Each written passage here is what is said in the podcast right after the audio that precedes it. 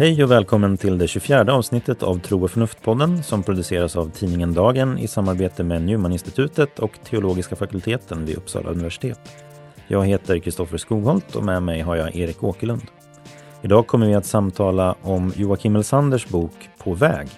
Så varmt välkommen till programmet.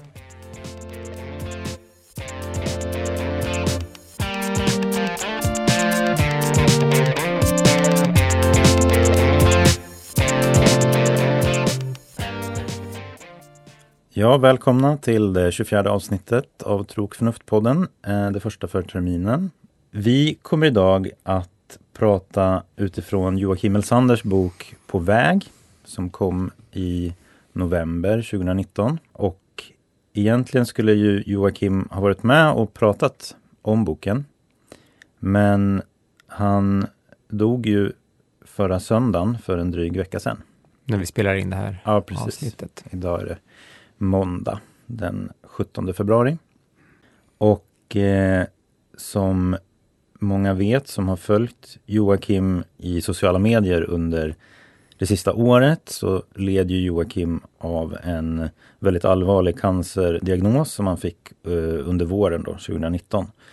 Eh, och Joakim har varit väldigt öppen med det i, i sociala medier och sådär. Eh, han var ju pastor i EFK, Evangeliska Frikyrkan, hade varit det i 20 år ungefär. Ehm, och de sista åren jobbade han som sjukhuspastor i Falun.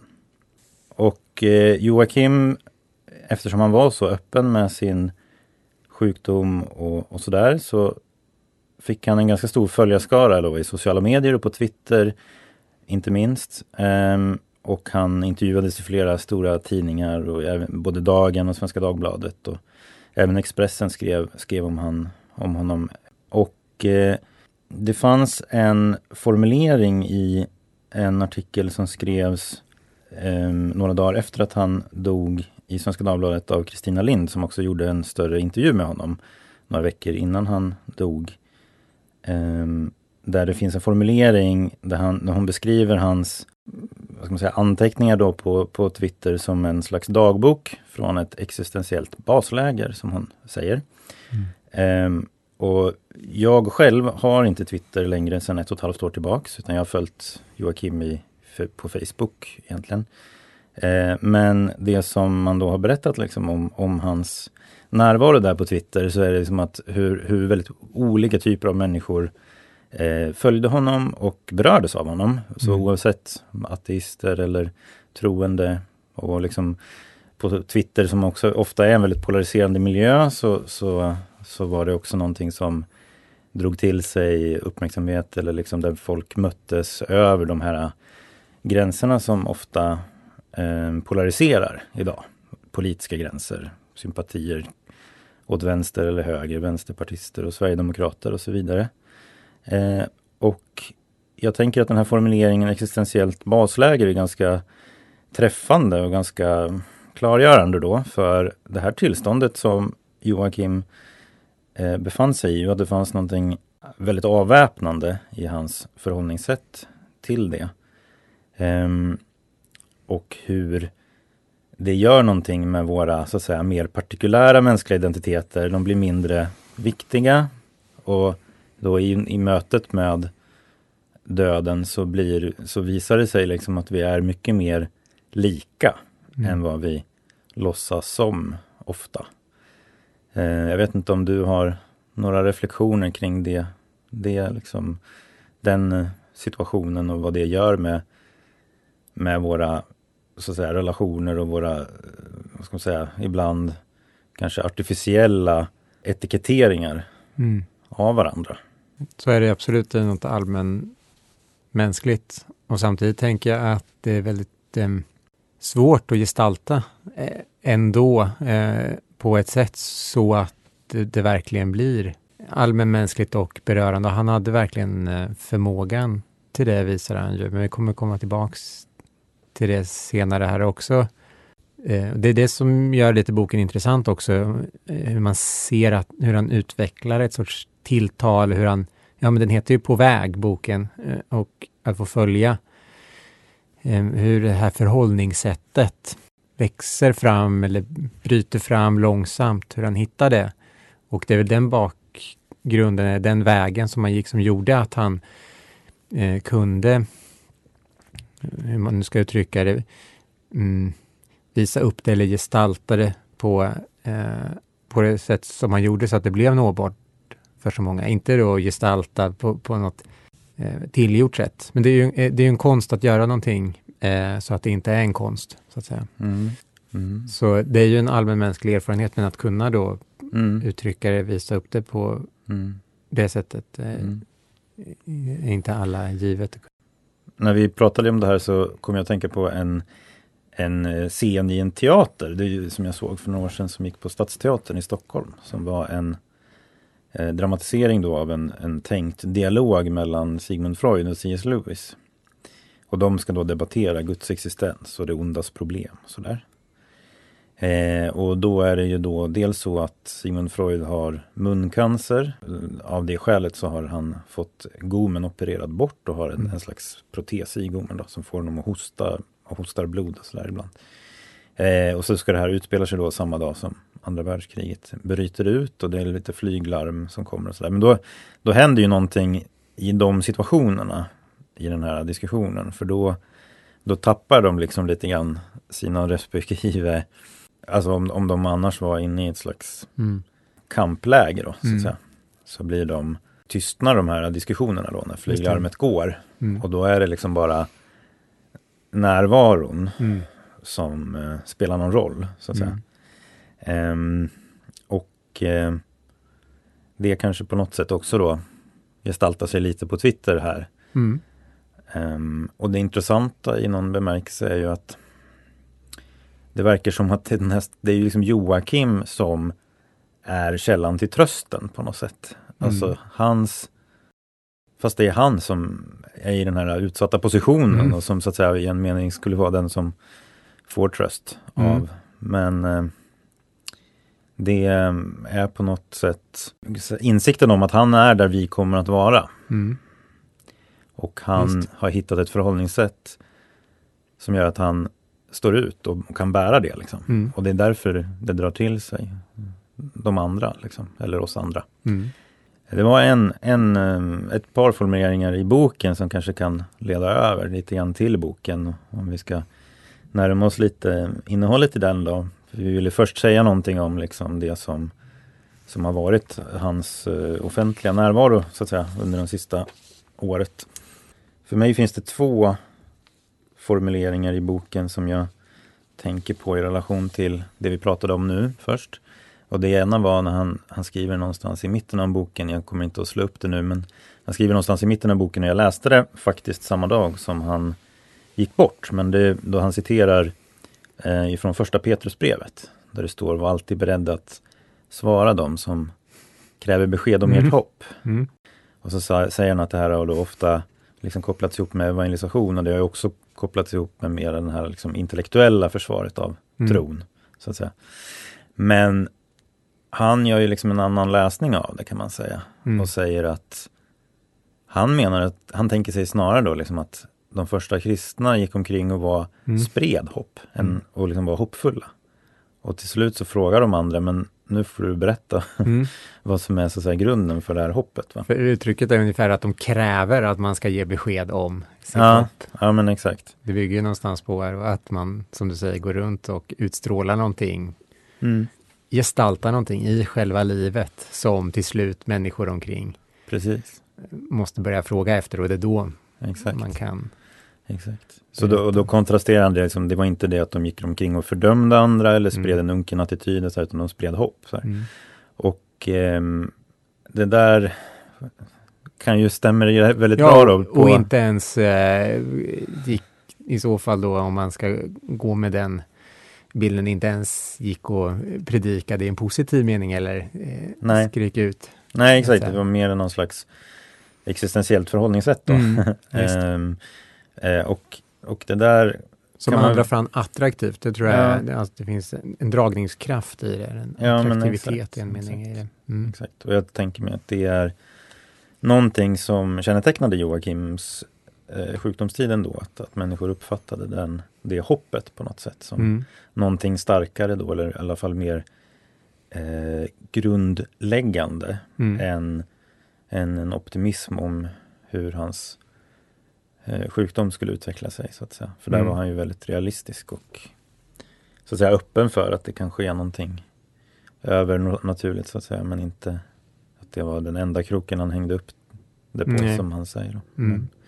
Så det var en, en eh, formulering i boken som jag tänkte kopplar ihop lite med det här med som vi pratade om i inledningen då. Men en annan och en annan formulering som jag tänkte slå upp eh, så jag har det framför mig är när han diskuterar det här att när man får en sån här diagnos som han fick så är det ju väldigt naturligt om man frågar sig varför drabbar det här mig, Mm. just mig och sådär. Och då berättar han om en läkare som, som så att säga också då vänder lite på perspektivet eh, och eh, säger ungefär så här, liksom att ja men tänk vi lever liksom i ett ofantligt stort kosmos och på en, en planet i ett stjärnsystem i en galax liksom av 100 miljarder galaxer, där finns jag och får leva ehm, och vara medveten och erfara världen under ett antal år. Liksom, sådär. Och det, det är ett annat slags varför då som, Mm. som så att säga är av det mera positiva slaget förstås. Mm. Eh, och i höstas när vi diskuterade Pierre Hadot bok Vad är antikens filosofi? Så, så beskriver han ju de olika filosofiskolorna som att de liksom, det som är essensen i dem är att de kännetecknas av ett visst grundläggande existentiellt förhållningssätt. Mm. Där det handlar om att se sitt eget liv i ljuset av eller relation till en större kosmologi och Mm. en större världsbild. Och här finns det ju eh, det är ju liksom det som den här läkaren då Mm. som säger, uttrycker, liksom att, en, att se sitt liv i relation till ja, universum och eh, den eh, allt annat, än- det är allt annat än självklara faktumet Mm. så att säga, att eh, vi finns till. Det blir som en sorts andlig övning. Det går ju in lite också på det här Alistair McGraths bok om naturlig teologi som vi behandlade tidigare. Eh, där han pekar på bland annat många bibelställen där Jesus pratar om att betrakta naturen på det eller det sättet eller se på ja, liljorna på ängen och så vidare. Och att det just handlar om att hitta det här Just förhållningssättet och ibland så är det rakt tvärt emot vad man kanske är benägen att göra Ja, först. Och hela boken präglas ju av det. Det, det Ja. är någonting som gör den väldigt jo. intressant och bra. Och han är Mm. uppmärksam på, han är så att säga känslig för Mm. att vända på perspektivet på det Mm. sättet. Man kan väl säga att hela hans bok då som, som heter På väg Ja. den, den, eller liksom, den beskriver ju en resa från ett sätt att eh, tro till ett annat sätt. Ett sätt att relatera till världen Mm. teologiskt till ett annat. så att Mm. säga. Så han, han, eh, han beskriver sin, sin resa från eh, ja, en slags hög karismatisk miljö där som kännetecknas, har en, ett antal kännetecken som vi kan komma in på vidare. Han var aktiv i trosrörelsen där i början av 90-talet, skriver han om Mm. en hel del i Mm. boken. Mm. Mm. Och sen beskriver han liksom sin egen resa och sådär. Men jag, en sak som jag slogs av när han liksom, den, den bild som kommer fram mot slutet så att säga. Mm. Där han, eh, om han i början av, av boken kan uttrycka sig lite negativt om mystik och så, så är han ju mer positiv till Mm. det eh, mot slutet. Och, och eh, när jag läste så att säga då slutet av boken så upplever jag att det som egentligen är essensen i det förhållningssättet som han skriver fram. Mm. Det är, är just det här att existensen och tillvaron som en gåva Mm. och att förhålla sig Mm. på det sättet, inte liksom bara som någon slags teoretisk Mm. eh, perspektiv. Jag tycker det finns väldigt många delar eh, i den som är värdefullt. En, en, en annan sån utveckling, och det kanske har med den du pratar om att göra, det är det här att inse att man inte har kontrollen. Det kanske har att göra med mm, vilken fas i livet Eh, man själv är i, men för mig är det nog ganska framträdande om eh, en sorts växande insikter. det är sådana där insikter man vet intellektuellt förstås att man inte har kontroll, men att, att det verkligen sitter ut, ut i hela kroppen, att man in, inser det. Han berättar en dråplig, ganska dråplig historia om när han var i Israel och de var väl, Eh, skulle till, om det var födelsekyrkan, eller de skulle till någon, någon plats där och han försökte fokusera sig på det. Och sen eh, tappade han telefonen, eller det hände någonting med telefonen. Så allting ställdes upp och ner och man är ju så beroende av telefonen, man kanske inte kan ta kort eller något sånt där. Eh, och det där är någonting jag kan känna igen mig Ibland när man har kontroll, eller tycker sig ha kontroll, eh, man tycker att eh, jag ska göra först det och sen det. Och sen händer någon sån här ynka liten sak och så märker man hur extremt beroende man är på tusen olika saker som man inte har någon som helst kontroll över och hur känslig man är för att, mm. för att liksom påverkas mm. Mm. av det. Mm. Och det är väl någonstans en väg in i den här mer tillitsfulla relationen. Mm. Han pratar om det när det handlar om, om bön, att han, han såg om det är psalm 91 som en sorts formulär för mm. hur mm. man skulle be. Och bara man ber rätt så får man det man ska ha. Så Gud blir någon form av någon som, så att säga, han liknar det vid Alexa eller Siri, att man bara säger åt och bara man säger på rätt sätt eh, så får man det man ska ha eller kommer rätt sak upp. Och om, om inte rätt sak kommer upp, då måste man prata lite tydligare mm, mm, så, att mm, Gud, mm. så att Gud hör, så att säga. Mm, Men, mm. eh, och jag tror att det har med det att göra. De två delarna hänger nog intimt samman. Att å ena sidan där inse hur hur att säga, skört livet är, hur beroende man är utav tusen saker som ligger utanför den egna kontrollen å ena sidan och å andra sidan att, att mogna i,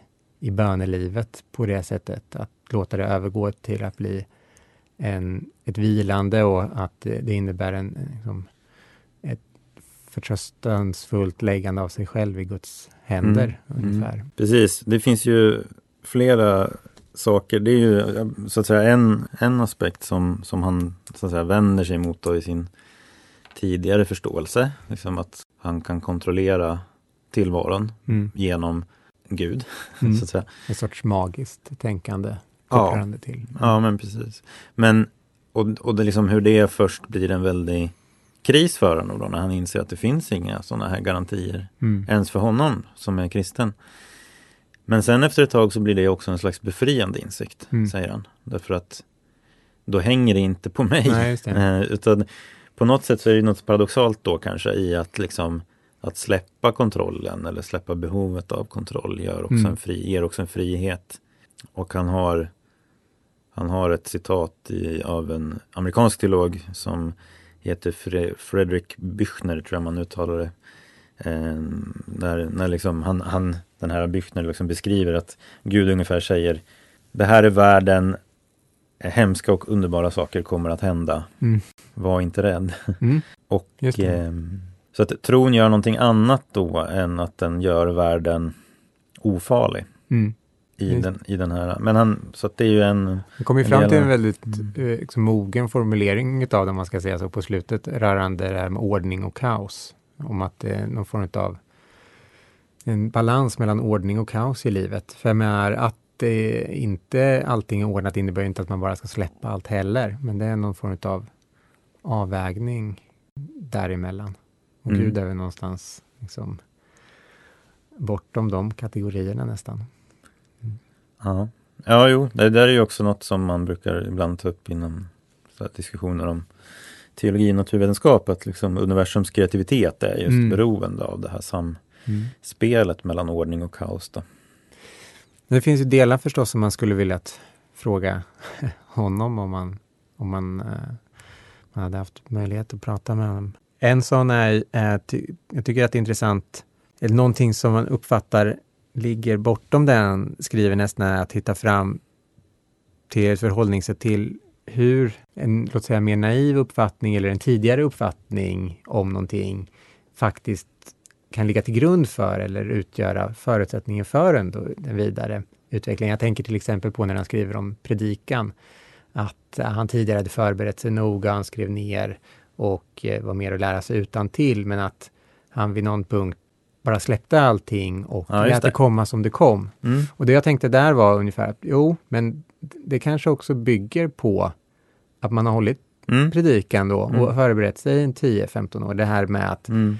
liksom, kasta stegen när man har kommit upp. När man har kommit upp. Och det, det är mm. ju lite mm. av det paradoxala i att, att ge den här typen av råd. Och det kanske gäller hans mm. utveckling också. Och att kunna se det i ett mer försonande ljus, där man tittar tillbaks på sig själv och se mm. liksom, på, på ett sätt missförhållande eller en sorts omogenhet. Men i ett mer försonande ljus eftersom det ändå var steg på vägen till där jag är nu.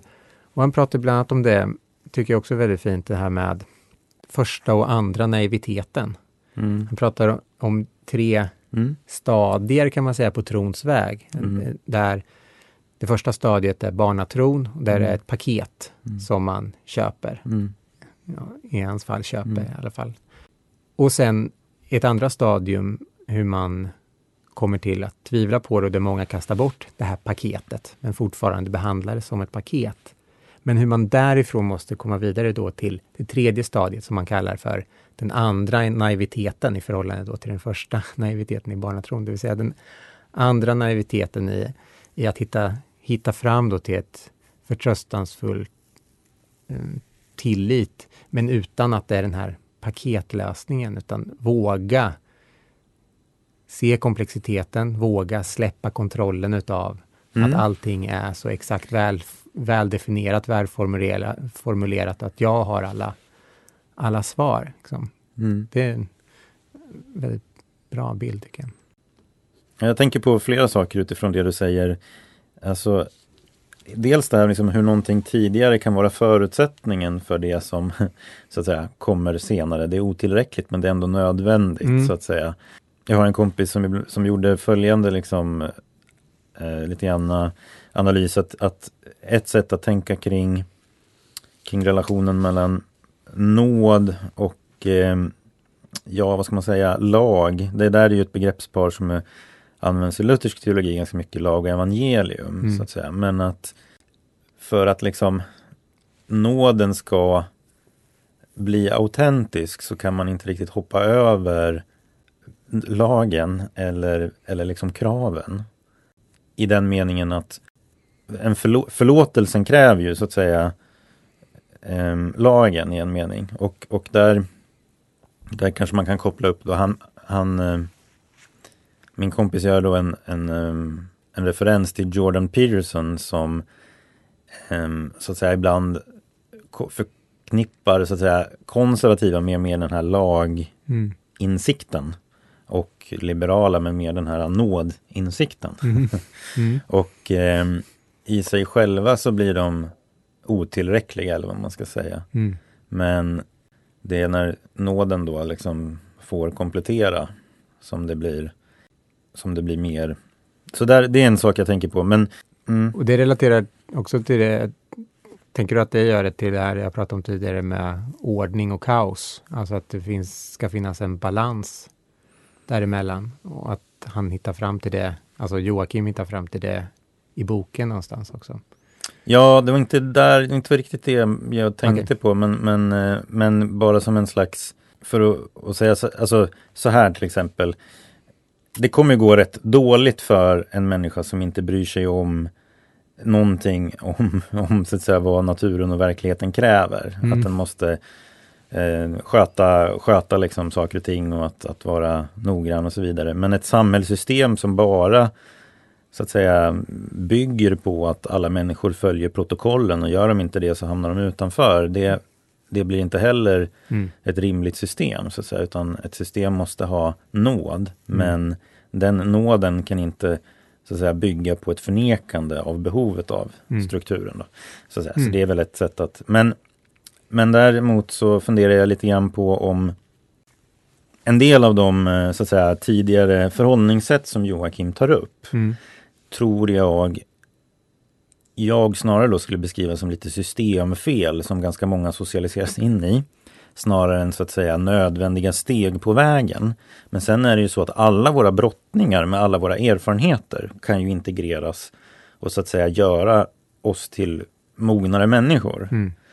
Men Joakim beskriver ju en spiritualitet som inte är hållbar. Och han har ju flera exempel på det. Ett exempel som han har som jag tyckte var rätt bra var liksom den här att, att man är dålig på processer i frikyrkan. Dålig Mm. på att se det kristna livet som en process. Utan man har så att säga den här äh, tolkande berättelsen är hela tiden den här radikala omvändelsen. Mm. Alkoholisten eller den kriminella som blir frälst. Så, så det blir liksom en tvåstegsmodell där ett blir frälst, två följ alla ideal. Mm. Och så länge du inte, dina brister så att säga inte syns eller tillhör de här mer socialt stigmatiserande varianterna Mm. så är det okej.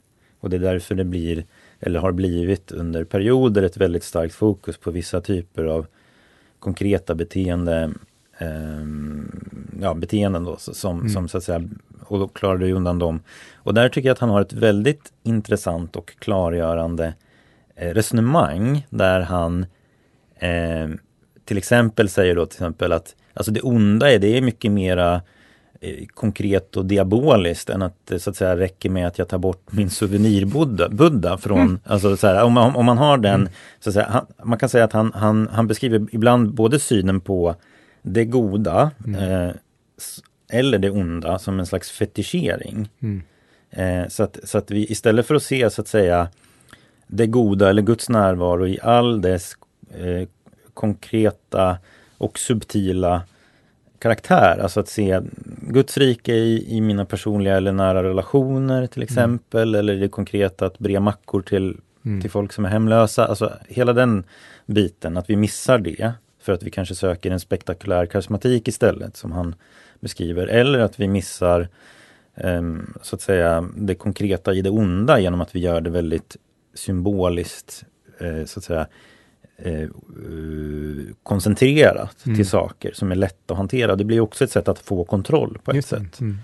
Ehm, och där, det tyckte jag var lite intressant i och med att i början av boken där så, så har han ju en viss resonemang kring, kring nattvarden som är intressant i det att han han, eh, så att säga, han ser ju nattvarden som en gemenskapsmåltid väldigt mycket där, alltså i församlingen. Och en åminnelsemåltid så att säga. Mm. Och när jag läste det så tyckte jag att det var intressant även om eh, jag inte har riktigt samma syn som han utan jag har en mer sakramental syn. Men så, så pekar han på någonting i hur ett sakramentalt perspektiv kan så att säga motivera en slags abstrahering av Mm. det goda i gemenskapen till den här väldigt konkreta tydliga handlingen att gå fram och ta emot brödet och vinet. så att säga. Mm. Men om det blir abstraherat för mycket från, från den gemenskap som församlingen är tänkt att vara Mm. så pekar han på ett reellt problem där Just det det. blir en slags fetischering då så att säga. Mm. Ehm, och, eh, men han, han, han liksom lyckas säga, så att säga, visa att det där finns på både i relationen till det gudomliga men också Mm. till, det, till det onda. Då, så att säga. Så har Mm. vi den tendensen att vi fetischerar det. Så att säga. Mm. Nej, det måste jag säga är, det finns hos eh, Joakim och andra i en baptistisk och en mer anabaptistisk eh, tradition väldigt tilltalande just uppmärksamhet inför det vardagliga.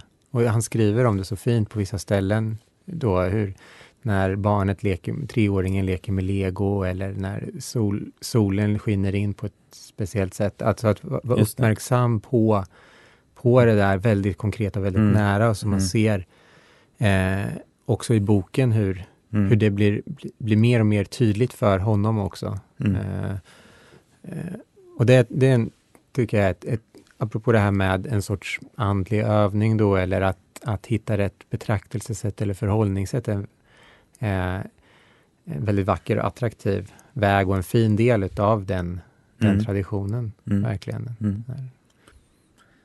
Det där var ju också någonting som kanske blev vilket ju förstås blir så att säga när man är i dödens närhet och det inte blir så självklart för en Mm. längre. Alltså det sker någon slags Mm. klargörande av Visst. perceptionen. Så att säga. Det vi tar för givet är inte längre självklart. Liksom. Nej.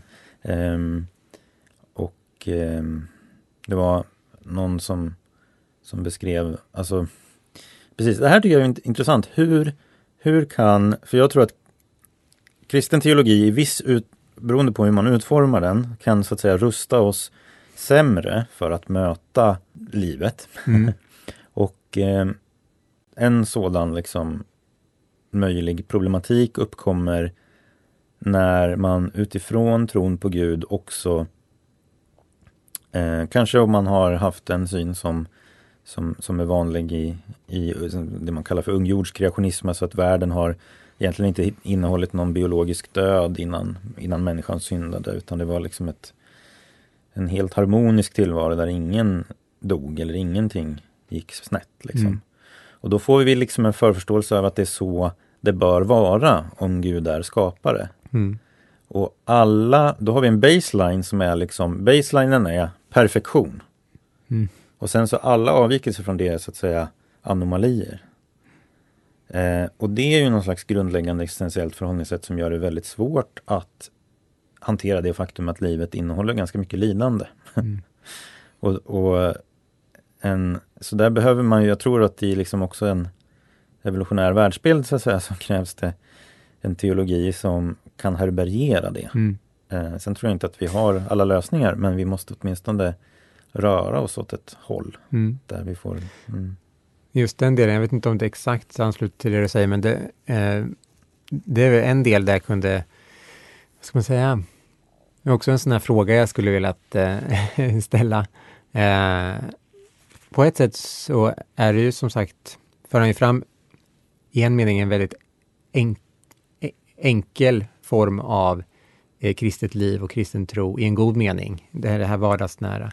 Men i vissa delar så tycker man ju att det borde ligga i riktningen också att vissa andra delar är faktiskt komplexa och svåra att eh, svara på. Han, för han säger vid något tillfälle där att eh, när han kommer in på frågan hur, eh, hur ska vi leva och tar upp lite olika bibelställen eh, så är avslutningen någonting i stil med då att man, man eh, eh, vi ska skippa allt annat och bara berätta om Jesus. Ja, punkt. Och att det ändå där kan finnas, alltså att för att nå dit han vill så kanske ändå så att säga, teologin eller tänkande, det är inte fel så att säga att gå en mer komplicerad väg eller komplicera frågorna på ett sätt, på ett annat sätt så att säga.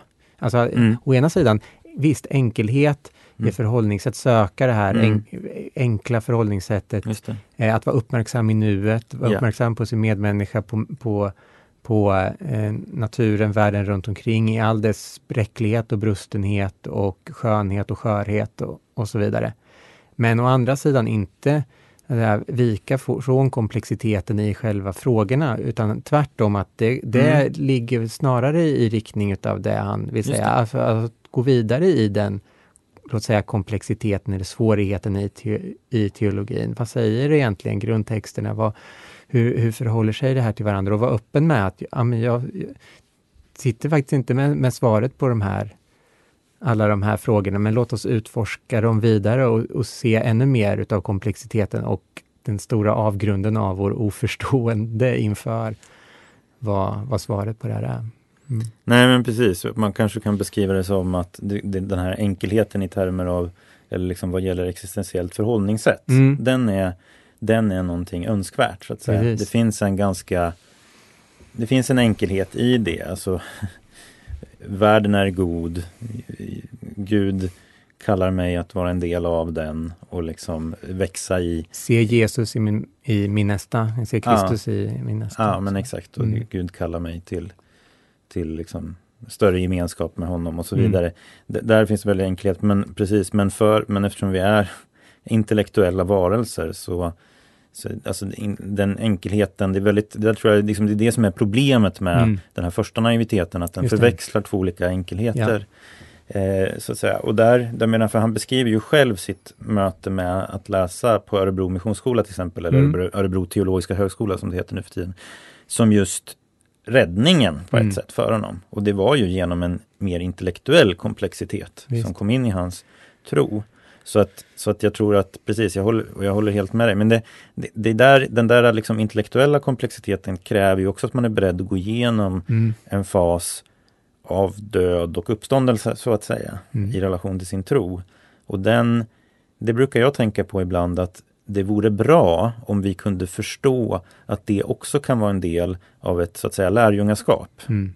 För vi, vi pratar gärna om andra former av askes. Men det kanske Mm. finns en form av intellektuell askes också som är Mm. liksom att brottas med frågor och liksom dö från gamla svar och sådär. Jag tänker ibland på det som eh, att eh, krossa avgudabilder. Alltså att upptäcka att det jag trodde på eller upphöjde så var egentligen inte Nej, Gud utan en, en nej. gudsbild som visade sig inte svara mot och Mm. att det faktiskt är en väg. Mm. Jag vet inte om det är hjälpsamt, Mm. men Mm. Mm. Mm. det, Jo, eh, man kanske inte... Precis, men han har ju en väldigt intressant beskrivning i slutet av boken. För att en grej som han, när han börjar skriva på sin blogg som, som, som större delen av boken är hämtad ju från hans Mm. blogg, blogg som han kallar för kolportören. Då hamnar han ju ganska mycket i debatter när han problematiserar föreställningar om helvetet till Mm. exempel och annat och sådär. Och så har han en, en, en reflektion där på slutet hur, hur man så att säga kan förhålla sig när man möter någon som man upplever står kvar på en plats som man själv har lämnat. mm, att säga.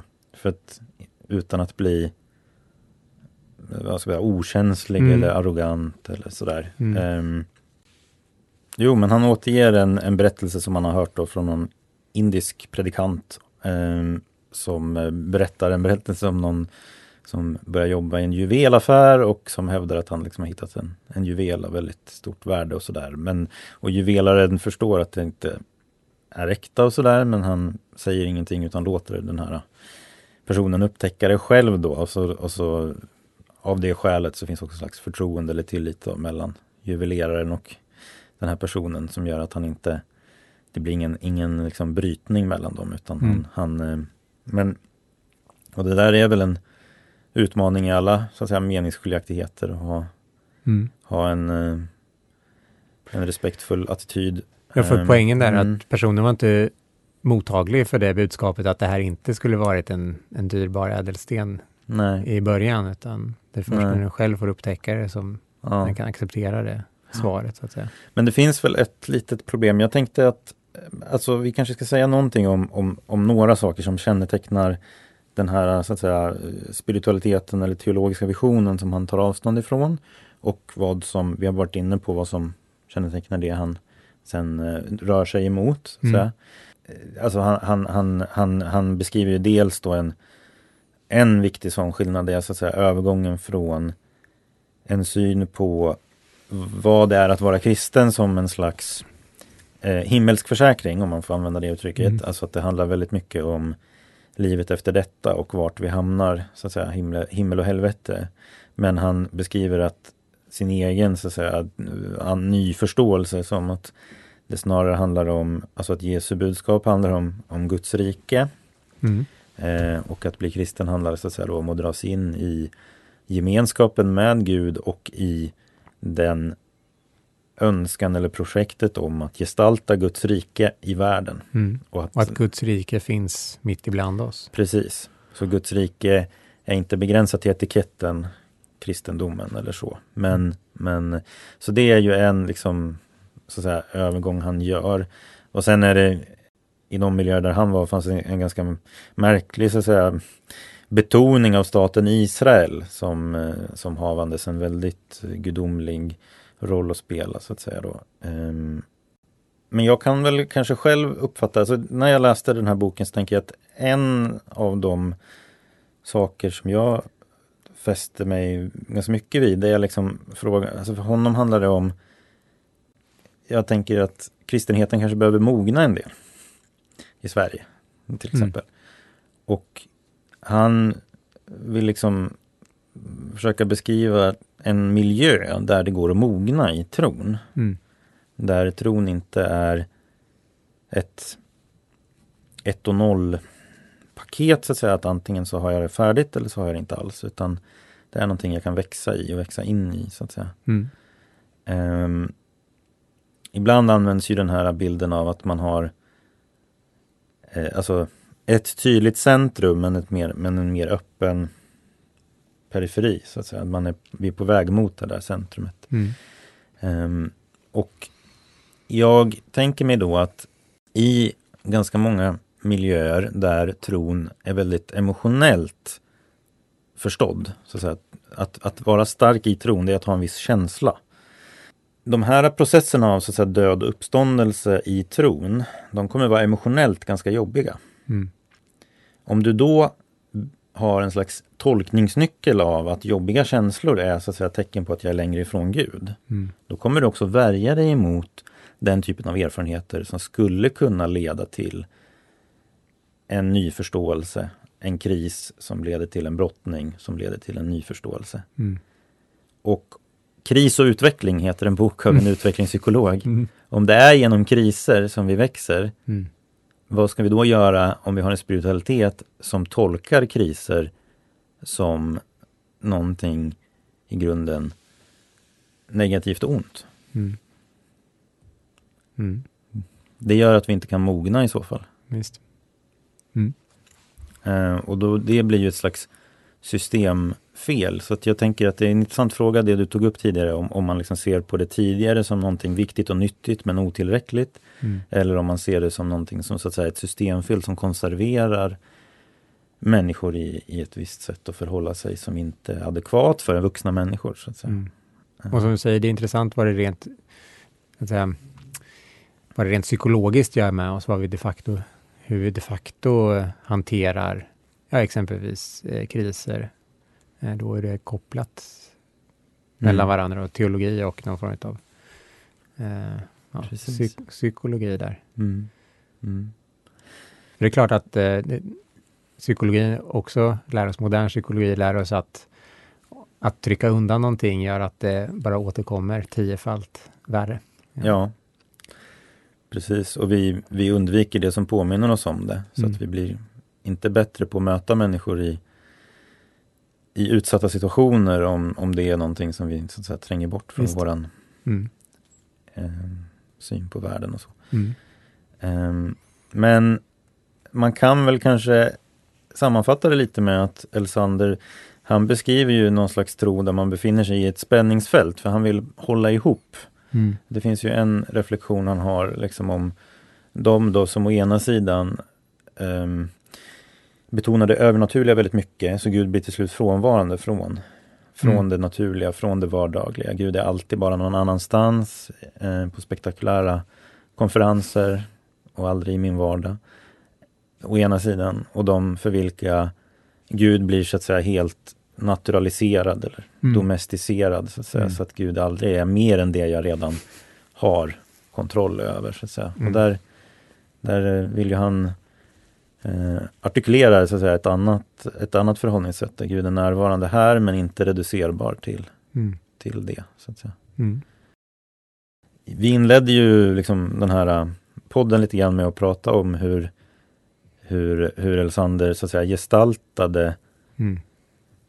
sin tro under sin sjukdomstid Mm. och förstås innan dess också men det var då han blev så att säga lite mer allmänt eh, känd och så. Mm.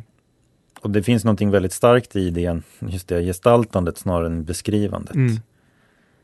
Eh, som är både utmanande och liksom Mm. hoppingivande på något sätt att, Mm. att han fick göra det. Så att säga. Ja, för en, eh, den, s- en tredje fråga jag hade tänkt eh, ställa var just i liksom ljuset av den erfarenhet han har gjort. Om man tänker tillbaks på sin verksamhet som pastor. Det är en, en väldigt speciell kombination det där. Då. att I ljuset av det, hur tänker han på saker han sa? Just för det här med förhållandet mellan ord å ena sidan och verklighet å den andra. Hur tänker han på det han sa? Ser han det ändå i ett sorts försonat ljus eller vill, vad skulle man säga eller vad ska man eh, inte säga och så vidare.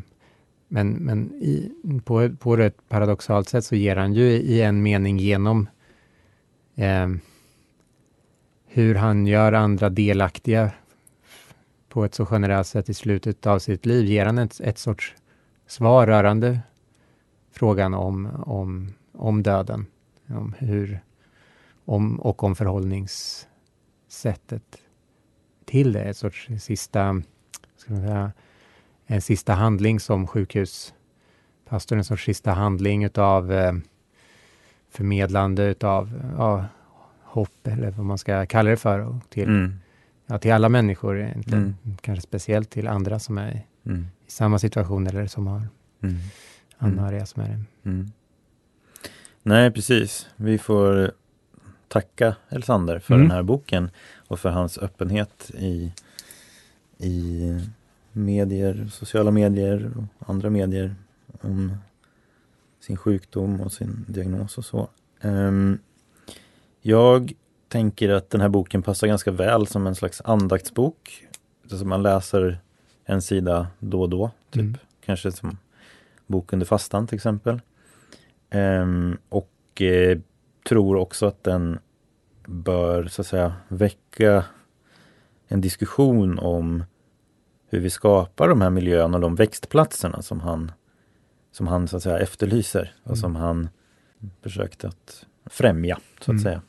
Det vore en väldigt god frukt tycker jag av den boken om den kunde liksom få inspirera det samtalet. Mm. Ehm, det går ju inte att sammanfatta en sån här bok eller ett sånt här öde, livsöde som Joakim hade. Utan vi får väl bara konstatera att vi är väldigt tacksamma för det han har velat dela med sig av. Ja. Och eh, vi får också på något sätt tacka hans familj som, som, som har varit en del i den här processen också. Och som Mm. som har eh, både en stor sorg men säkert också en stor glädje över Joakim. Mm. Så ja, tack för idag kan vi väl säga. Tack. Mm, tack.